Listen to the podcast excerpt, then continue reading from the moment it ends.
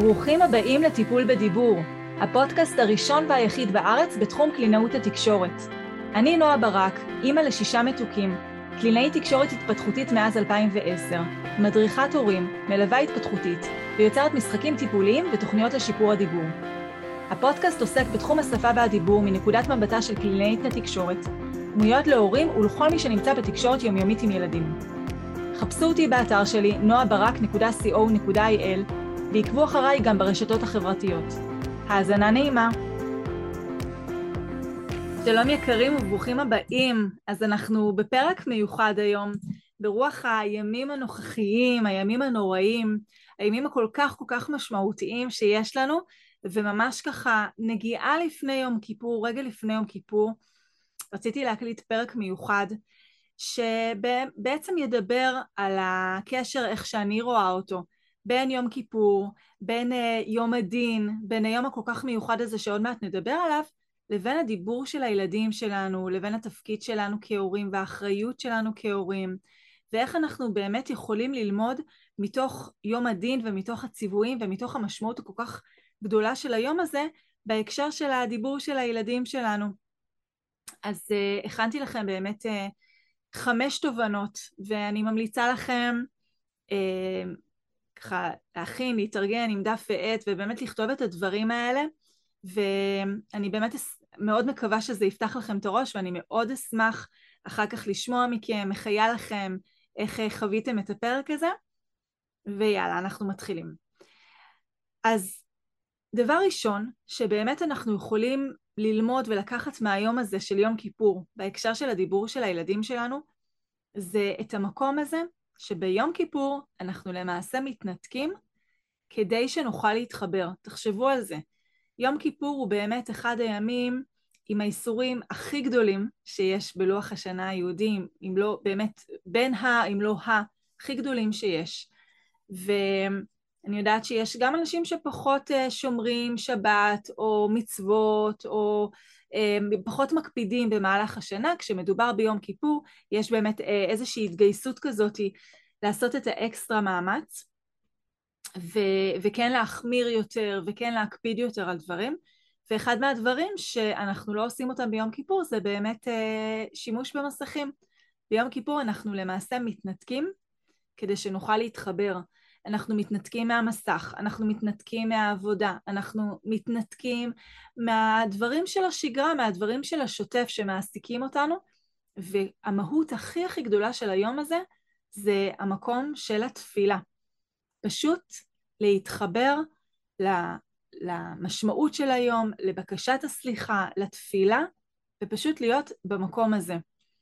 וחשבתי על זה שכשאנחנו מדברים על הילדים שלנו ועל הדיבור שלהם בפרט ובכלל על ההתפתחות שלהם ועל הרצון שלנו לעזור להם להיות יותר, יותר טובים, יותר להתפתח, יותר להגשים את עצמם, יותר להשיג הישגים בחיים שלהם ולממש את הפוטנציאל שלהם, אחד הדברים הכל כך כל כך בסיסיים שלפעמים מתפספסים לנו זה פשוט להיות איתם, פשוט להיות איתם ברגע, אנחנו חיים באמת בעולם מאוד מאוד מסיח, והנייד הזה שהוא ככה צמוד אלינו והוא מאוד מאוד נגיש, הוא מבלבל אותנו הרבה פעמים. המקום הזה שאנחנו um, הרבה פעמים גם לא, לא עושים את הקאט הזה של שעות העבודה, וזה קצת יותר מורכב, ורגע קיבלתי מייל והמייל נמצא לי בנייד ואני יכולה רגע להיכנס לענות, אני אומרת גם מהמקום האישי שלי, הרבה פעמים אני מוצאת את עצמי נופלת למקומות האלה של רגע אני רוצה להיות בזמן טהור עם הילדים אבל יש באמת כל כך הרבה דברים מסביב שתופסים אותנו. אבל אם נוכל באמת רגע להצליח להתנתק מהמסיכים האלה ופשוט להיות איתם, פשוט להיות עם הילדים שלנו, אנחנו נוכל להרוויח כל כך כל כך הרבה מזה, כי ברגע שאנחנו איתם, מתבוננים בהם, מקשיבים להם, עזבו, עוד לא מדברים איתם, עוד לא, עוד לא משחקים איתם, עוד לא מפתחים אותם, רק רגע איתם בהוויה הזאת, ברגע הזה, לומדים להכיר אותם, לומדים לראות מה מעניין אותם, מה כיף להם לעשות, אנחנו יכולים לשים לב יותר לדברים, אנחנו נהיה קשובים יותר, אנחנו נבין יותר מה הם צריכים ואיך אנחנו יכולים לגשת אליהם בכלל. אז זה באמת אחד הבסיסים שהוא המפתח ליצור שינוי וליצור השפעה על כל אדם אגב, אבל אנחנו מתמקדים כרגע בילדים שלנו. אם אני רוצה שהילד שלי יהיה פנוי ללמוד ממני, יהיה פנוי להקשיב לי, יהיה פנוי להבין ממני איך לדבר ואיך לתרגל דיבור ואיך להגיד בצורה נכונה, אני חייבת שייווצר החיבור הזה בינינו. והחיבור הזה בינינו ייווצר רק כשאני אוכל באמת לנתק את עצמי מהדברים מסביב ולהיות איתו, בנוכחות שלי איתו, בזמן שאני מקדישה לו, ו, ובאמת במסיחים מסביב. זה אגב, לא תמיד יוצא לנו גם בזמן של אחד על אחד עם הילדים, יכול להיות שאנחנו פועלים ככה ויש כמה ילדים סביבנו באותה נקודת זמן. אז כן, בוודאי שיש משמעות וערך מאוד גדול אם אני מצליחה למצוא זמן עם כל אחד מהילדים שלנו בנפרד. אבל גם אם אני לא מצליחה למצוא זמן עם כל אחד ואחד מהם בנפרד, ויש כרגע זמן שהוא יותר זמן ביחד של כמה ילדים, העובדה שאני איתם, איתם מסתכלת להם בעיניים, מקשיבה למה שהם אומרים, גם אם כרגע זה לא ממש אחד על אחד, אלא כמה ילדים, זה מלמד אותם לראות איך אני מקשיבה למישהו אחר, ואיך אני מפנה את תשומת הלב שלי למישהו אחר, ואיך אני מכבדת כל אחד את הרצון שלו להתבטא, ומתי אני גם מאפשרת למישהו אחר עכשיו להתבטא. אז יש פה באמת דברים כל כך כל כך משמעותיים, שאם אני מקבילה את יום הכיפורים שמתרכז כל כולו במהות של היום, שזה הצום והסליחה, תכף נגיע גם קצת יותר לדבר על הצום, זה מאפשר לי להתחבר להבנה של מה אני רוצה מהיום הזה, או מה, מה בעצם עובר עליי בתוך היום הזה, ובהקשר של הילדים זה מאפשר לי באמת להתחבר אליהם, וזה מאפשר להם להתחבר אליי בחזרה, ולהיות פתוחים יותר לכל דבר שאני אביא להם אחר כך. נקודה נוספת זה העניין של הדיוק. זה קצת מתקשר למסיחים שדיברתי לפני כן, באמת לנקות מסיחים. ביום כיפור הוא יום מאוד מאוד מדויק. אנחנו לא רק בלי מסך, אנחנו לא רק בלי עבודה, אנחנו גם מורידים מאיתנו דברים חומריים. אנחנו לא נתקלח, אנחנו לא נאכל, אנחנו לא נשתה, אנחנו לא נתעסק ב- ב- ב- באמת בדברים של הגוף, אלא אנחנו מאוד מתחברים למקום של הנפש וספציפית למקום של בקשת מחילה ולמקום של תפילה ולמקום של חרטה. אותו הדבר, אם אני רוצה שהילד שלי יתפתח בדיבור שלו, אני חייבת להיות ממוקדת. אמירה כללית כמו אני פשוט רוצה שהוא ידבר טוב, או אני פשוט רוצה שיבינו אותו, זאת אמירה שהיא חשובה, אנחנו מתחילים משם, אבל זאת לא אמירה שהיא סוף פסוק וסוף דבר. כי כל עוד אני לא יודעת בדיוק לשים את האצבע על מה אני רוצה בדיוק שיבינו בו, ומה אני רוצה בדיוק לשפר בדיבור שלו, אני לא אוכל להיות ממוקדת ואני לא אוכל לעזור לו שם. ופה באמת נכנס החלק הכל כך משמעותי של קלינאית התקשורת, של אשת המקצוע, שהיא לא רק כמובן מכווינה תוך כדי התהליך הטיפולי מה לעשות, אלא היא עוד עוזרת בשלבים, בשלב הראשוני של להבין מה הבעיה בדיבור של הילד.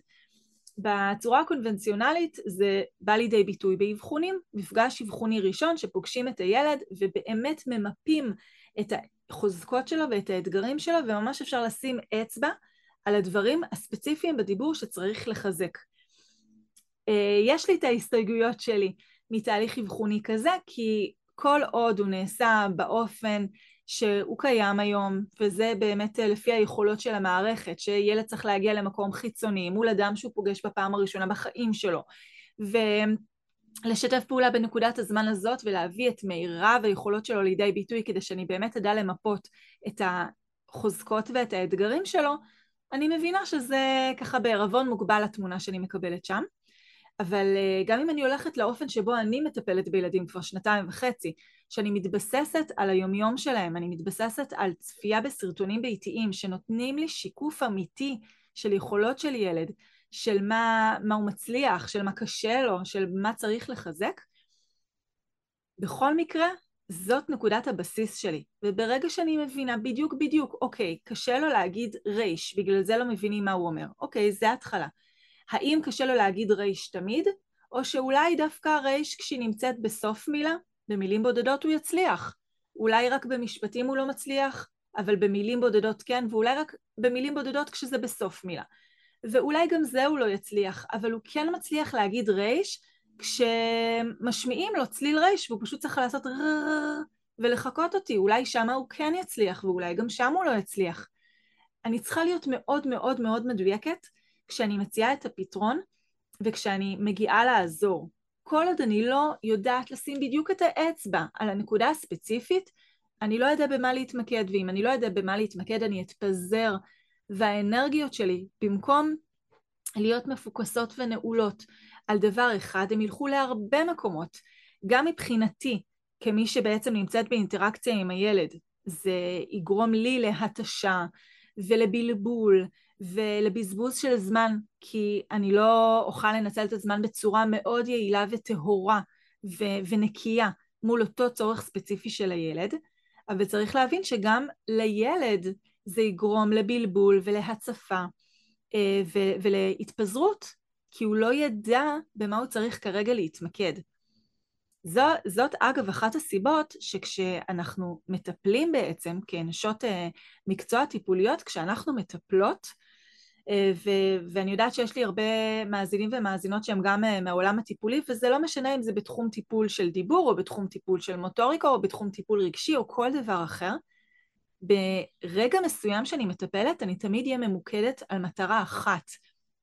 אם למשל יש ילד שיש לו גם קושי עם רייש, וגם יש לו קושי בזיכרון השמיעתי ובגלל זה הוא לא יודע לבנות רצף נכון של משפטים, וגם יש לו קושי אה, בשליפה של מילים, ולכן בזמן אמת הוא לא ידע לגשת למוח ולהוציא את המילה המדויקת שהוא צריך, אז אני מבינה שאני צריכה לתת לו מענה להרבה צרכים בהקשר הספציפי הזה של שפה ודיבור, אבל בנקודת הזמן הרגע, עכשיו, שאני כרגע בזמן מקלחת מתרגלת איתו עכשיו משהו, אני צריכה להיות ממוקדת למשהו אחד שאני בוחרת לתרגל. כי אם אני אנסה עכשיו לעבוד על כמה דברים במקביל שקשים לילד, זה יהיה ממש תפסת מרובה לא תפסת. הוא ילך לאיבוד, הוא יאבד אותי, אני אהיה מותשת. זה כמו פול גז על ניוטרל. אני משקיעה המון אנרגיה, המון זמן, המון מאמץ, וגם הילד נורא נורא משתדל, אבל אין לו באמת יכולת ומסוגלות להיות פה בקשיבות ובאמת בחיבור להרבה דברים במקביל. זה מצריך ממנו מאמץ, צריך להבין את זה. וזאת אגב אחת הסיבות שכשאני מנחה הורים איך לתרגל עם הילדים שלהם בשוטף, בשגרה היומיומית, אני אומרת, אני רוצה שתתבססו על פעולות שהן מה שנקרא אוטומטיות עבור הילד. זמן מקלחת זה זמן שהוא מכיר אותו גם בעצימת עיניים, הוא לא צריך עכשיו להשקיע אנרגיה ו- והבנה יותר מדי גדולה איך לעשות את זה. זמן אה, ארוחת ערב, הוא יודע, בדיוק הוא מכיר את טקס ארוחת הערב, הוא יודע מה קורה קודם ומה קורה אחר כך. לעומת זאת, אם אתם פותחים לו עכשיו משחק חדש, קחו בחשבון שכרגע הוא עסוק בלמידה של המשחק. האנרגיות שלו הולכות לשם, ולכן הוא לא יכול להיות עכשיו גם ממוקד בלתרגל את הרייש הזאתי שקשה לו. כי הוא כרגע עסוק בללמוד את המשחק. אני לא יכולה לצפות ממנו שהוא יהיה מסוגל לרכז את האנרגיה ואת המשאבים שלו גם לזה וגם לזה במקביל, זה יבוא אחד על חשבון השני. אז ברגע שאנחנו רוצים לעזור לקדם דיבור של הילדים, אנחנו חייבים להיות מאוד מאוד מאוד ממוקדים ברמת הרזולוציה הכי הכי קטנה. אגב, גם ברמת המתי לתרגל, מתי הילד שלי פנוי ללמידה. כמו שאמרתי, אוקיי? זה צריך להיות בסיטואציה שהיא ככה שוטפת, שגרתית, וגם שהילד שמה בפניות, ברווחה, הוא לא רעב, הוא לא עייף, הוא לא עצבני, הוא לא כועס. אני צריכה להיות מאוד ממוקדת, שזה באמת מצריך פה איזשהו תהליך של דיוק עם איש מקצוע, וזאת הסיבה שאיש מקצוע חייב להיות פה בתמונה. אבל ברגע שהדבר הזה מתקיים ומתממש, אני יכולה להגיע לתוצאות כל כך הרבה יותר מהר, ובצורה כל כך כל כך יעילה, כי אני אני מאוד נקייה, אני עובדת מאוד מאוד מסודר. זה כאילו שאנחנו רוצים אה, אה, לנקות חלונות בזמן שיש אובך בחוץ, או בזמן שיש אבק או סופת חול בחוץ. אני אנקה וזה ילכלך, אני אנקה וזה ילכלך, אני אשקיע המון המון זמן ואנרגיה והתעסקות, אבל אני לא אצליח באמת להגיע לניקיון כי כל פעם זה יתלכלך מההתחלה. זה קצת אותו דבר. אם אני לא ממוקדת ואני צריכה כל פעם להעיף דברים מסביב שמפריעים לילד שלי באמת להיות איתי בתוך הסיטואציה ולתרגל כמו שצריך, אני משקיעה פה המון המון זמן, המון, אני שוחקת את עצמי ואת הילד ואני, ייקח לי המון זמן להגיע לתוצאות. בסוף החלון יהיה נקי, רק כמה זמן נצטרך להשקיע עד שזה יקרה. אז תהיו ממוקדים, תבינו בדיוק איך, תבינו בדיוק מתי, תבינו בדיוק כמה. ככה תוכלו באמת, בצורה מאוד מאוד מהירה, להגיע לתוצאות שאתם רוצים. עוד נקודה חשובה, נקודה כואבת, שאני שומעת אותה ככה לפעמים מהורים, נתחיל ככה יותר אולי מהכיוון של יום כיפור, יום כיפור זה יום בשנה שאנחנו מחליטים, אני לא נותנת לזמן לעבור, אני לא אתן לזמן לעשות את שלו, אני לא אתן אה, לבסוף משהו יקרה. אני מחליטה, וזה זמן מאוד ברור ומאוד מוגדר, שעכשיו זה הזמן, עכשיו אני עוצרת, ועכשיו אני פועלת, ועכשיו אני עושה. זה נעוץ לנו ביומן, בלוח השנה העברי, וכל שנה אנחנו יודעים בדיוק מתי זה יהיה ואנחנו מתכווננים ליום הזה, והוא לא זז, זה יום שהוא לא זז, גם אם הוא יוצא בשבת. הוא נשאר שם נעוץ, והוא קבוע, והוא יקרה בגלל שהוא כזה. אני נתקלת לצערי הרב בהורים שבאמת מדהימים, וברור לי שכל הורה רוצה את הכי טוב לילד, וגם דברים שאנחנו לא, לא פועלים נכון, זה לא חלילה, לרוב, לרוב, מהזנחה, אלא באמת כי אנחנו לא מבינים משמעות של דברים ולא יודעים אה, איך נכון, בין אם זה אה, הבנה שלא קיימת אצלנו לעומק, בין אם זה כלים שלא קיימים אצלנו. אבל יש הורים שאומרים, אני אתן לה זמן לעשות את שלו.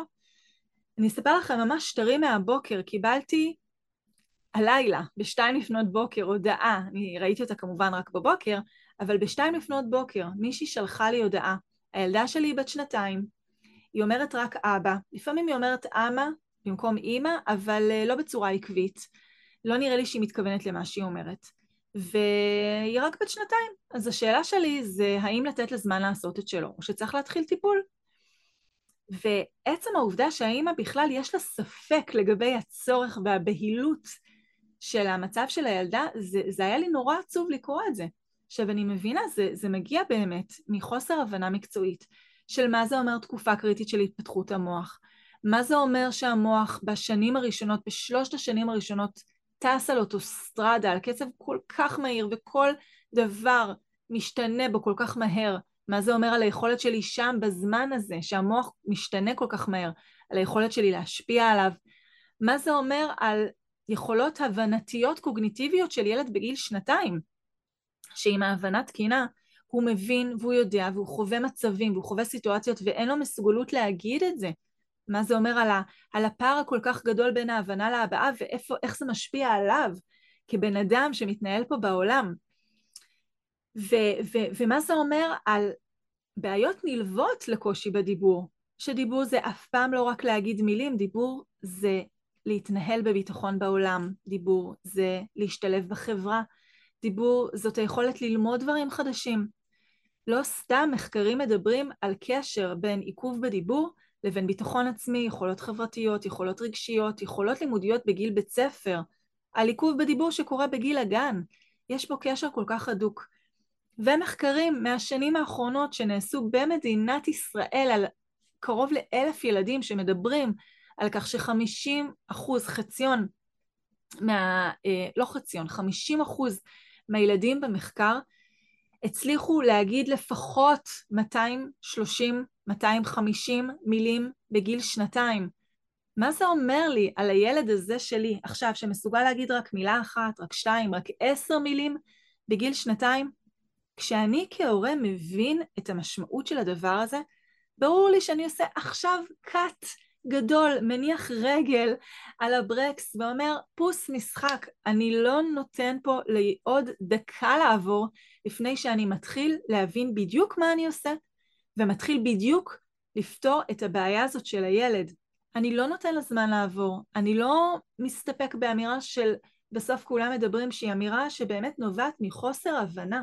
של מה זה מדברים ומה זה בסוף ומה זה כולם ומה קורה שם עם הכולם האלה שבאמת לא מדברים כשהם אמורים לדבר. אז אני, אני אומרת את זה באמת ככה, אני לא יודעת אם אתם מרגישים אותי, אבל זה, זה מעורר אותי מאוד מאוד רגשית העניין הזה, כי כואב לי, כואב לי על הילדים האלה ש, שפשוט נותנים לזמן להתמסמס. אם ילד באופן מובהק זיהינו שיש לו בעיה אני חייבת לפתור אותה, ועכשיו, ומה זה לפתור אותה? לפתור אותה זה לא להסתפק באוקיי, אה, מילאתי טופס, אה, ניגשתי לרופא, לקחתי הפנייה, זה יושב בהתפתחות הילד, כשהם ימצאו לנכון הם יחזרו אליי. לא. המערכת הציבורית לא חוזרת אליכם לא כי היא חושבת שבסוף כולם מדברים, או היא חושבת שזה נכון לתת לה זמן לעשות את שלו. היא לא חוזרת אליכם כי אין לה מסוגלות, כי היא קורסת, כי היא לא יכולה לתת את המענה הנכון לילד שלכם. אבל אתם הורים אחראים, זה הילד שלכם. אנחנו כהורים, זה התפקיד שלנו לוודא שהילד שלנו מקבל את העזרה שהוא צריך ועכשיו. על כל מה שזה אומר. זה אומר להרים כל אבן, להזיז כל, כל דבר עד שהדבר הזה יקרה. אז באמת, אם יש דבר שהכי חשוב לי שתצאו איתו מהפרק הזה, לא סיימנו, יש לי עוד כמה תובנות לחלוק איתכם, אבל אני עושה רגע עצירה ואומרת, לא, זה לא בסוף כולם מדברים וזה לא לתת לזמן לעשות את שלו, ממש לא. זה עכשיו לפעול בעצמנו כדי לגרום לדבר הזה לקרות. זאת עשייה שלנו שתביא לתוצאות, ולא הזמן שיעשה את שלו. זה כמו, אני, אני כן רוצה עוד רגע אה, להתמקד בזה, אבל אני, עוד דוגמה אחת, וככה שתוכל לעזור לכם להבין את הדברים. אם לילד שלכם הוא היה, הייתה נשברת לו היד, האם הייתם מחכים את השנה, שנתיים, עד שהשבר שם יתאחה באופן ספוטני וניתן לזמן לעשות את שלו? שום סיכוי בעולם, אני יודעת שלא.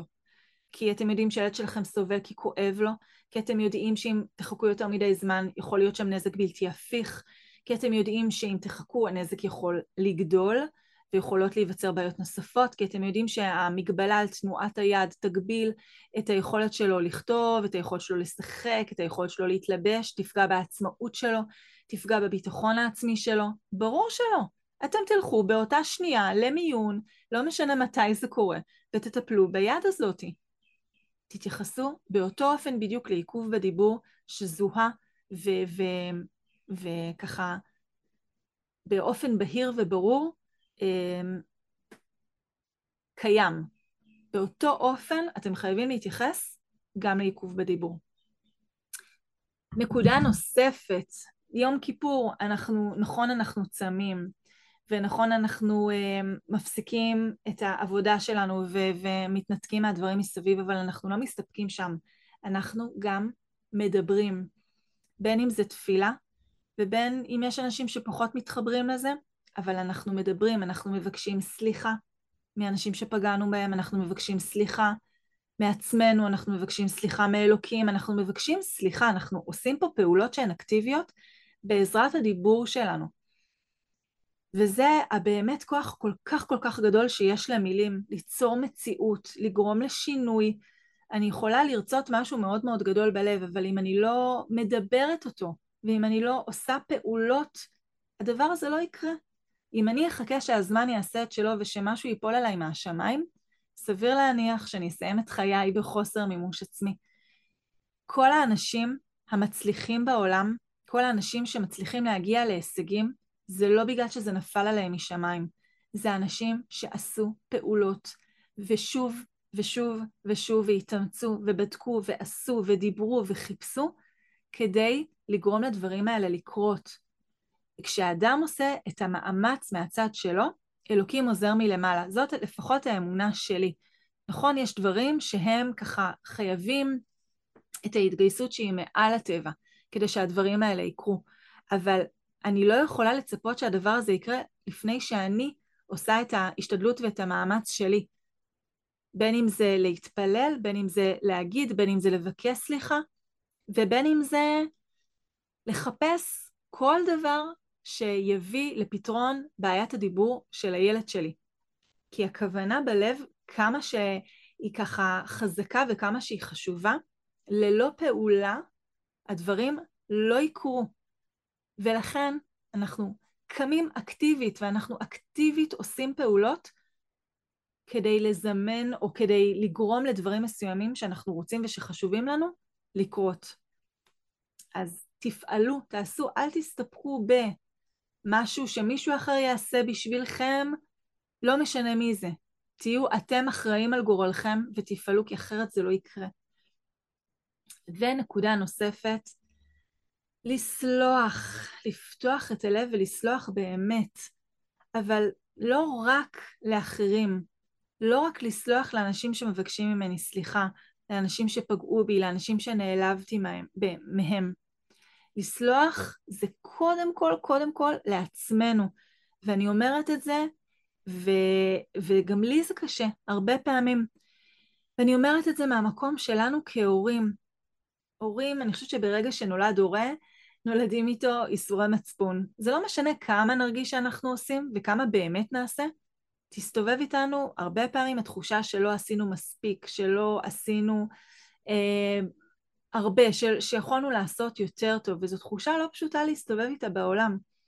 וזה בטח ובטח משהו שהוא ככה תופס אותנו חזק כהורים, לא רק כהורים, אלא בכלל יש באמת אנשים שיש להם יותר נטייה לזה בכל מקום, גם מהמקום המקצועי וגם מהמקום הבין אה, אישי ומהמקום הבריאותי, יכולתי לעשות טוב יותר.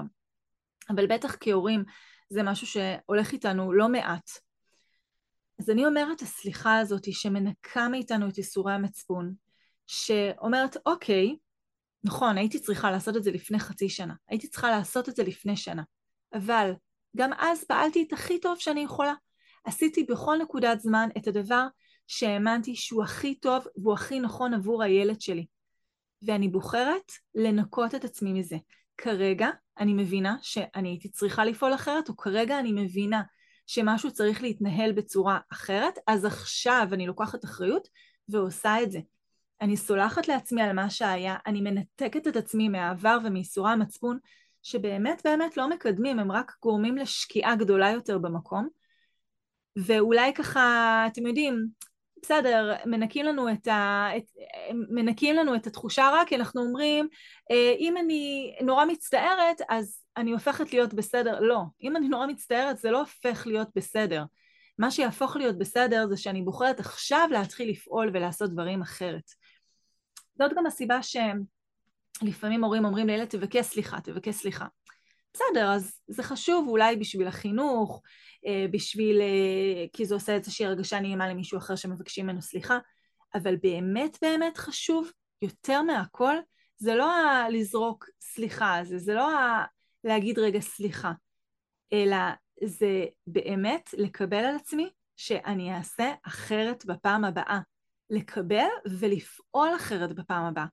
וכשאני עושה את זה, זאת ההתקדמות הכי אמיתית, וזה הניקוי הכי אמיתי לחטא הזה, או לדבר הלא טוב שעשיתי אותו לפני כן. אז כן לסלוח לעצמנו בלב שלם, בלב נקי, מתוך אהבה וקבלה על, אוקיי, הייתי צריך אחרת, אני, אני עכשיו מבין את זה, אז לא הבנתי, אני בוחר לשחרר, אבל לצד זה שאני משחרר, אני בוחר לקחת אחריות ולפעול החל מעכשיו בצורה טובה יותר, בצורה נכונה יותר, בצורה מקדמת יותר, בצורה שבאמת תביא לפתרון הבעיה שנגררת וגדלה כבר תקופה יותר מדי ארוכה. אנחנו רוצים להתמקד בהווה ובעתיד שלנו, ללמוד מהעבר, לסלוח לעבר, אבל לעשות פעולות בהווה שיובילו גם לעתיד טוב יותר, וזה רק, זה באמת מה שיאפשר לילדים שלנו להתקדם, ולנו להתקדם, ולנו לעזור לילדים שלנו להתקדם, ובאמת להתקדם ולא להישאר תקועים. אז uh, ברוח הימים האלה אני באמת מאחלת לכל אחד ואחת מכם שיהיו ימים טובים, שיהיו ימים שמחים, שתצליחו לסלוח לאחרים ולעצמכם, שתוכלו להיות מדויקים באמת ולמצוא את הדרך שבאמת מאפשרת התקדמות ועשייה, הדרך שבאמת מביאה לפתרונות, הדרך שבאמת מביאה לשינוי. אל תסתפקו בש, בשום, בכל דבר שתלוי באחרים. תמיד תמיד תדעו שרק מה שאתם עושים, אתם יכולים להיות, uh, לסמוך עליו שיכול להביא לאיזשהו שינוי והשפעה. אז שיהיה יום כיפור מועיל וצום קל ומועיל, ושנה טובה ומבורכת. תודה שהאזנתם לעוד פרק בפודקאסט טיפול בדיבור. רוצים לקבל כלים מיידיים ולעזור לילדים שלכם לדבר טוב יותר כבר עכשיו? שילחו הודעה לנייד 050-769-4841 ואולי נדבר בקרוב.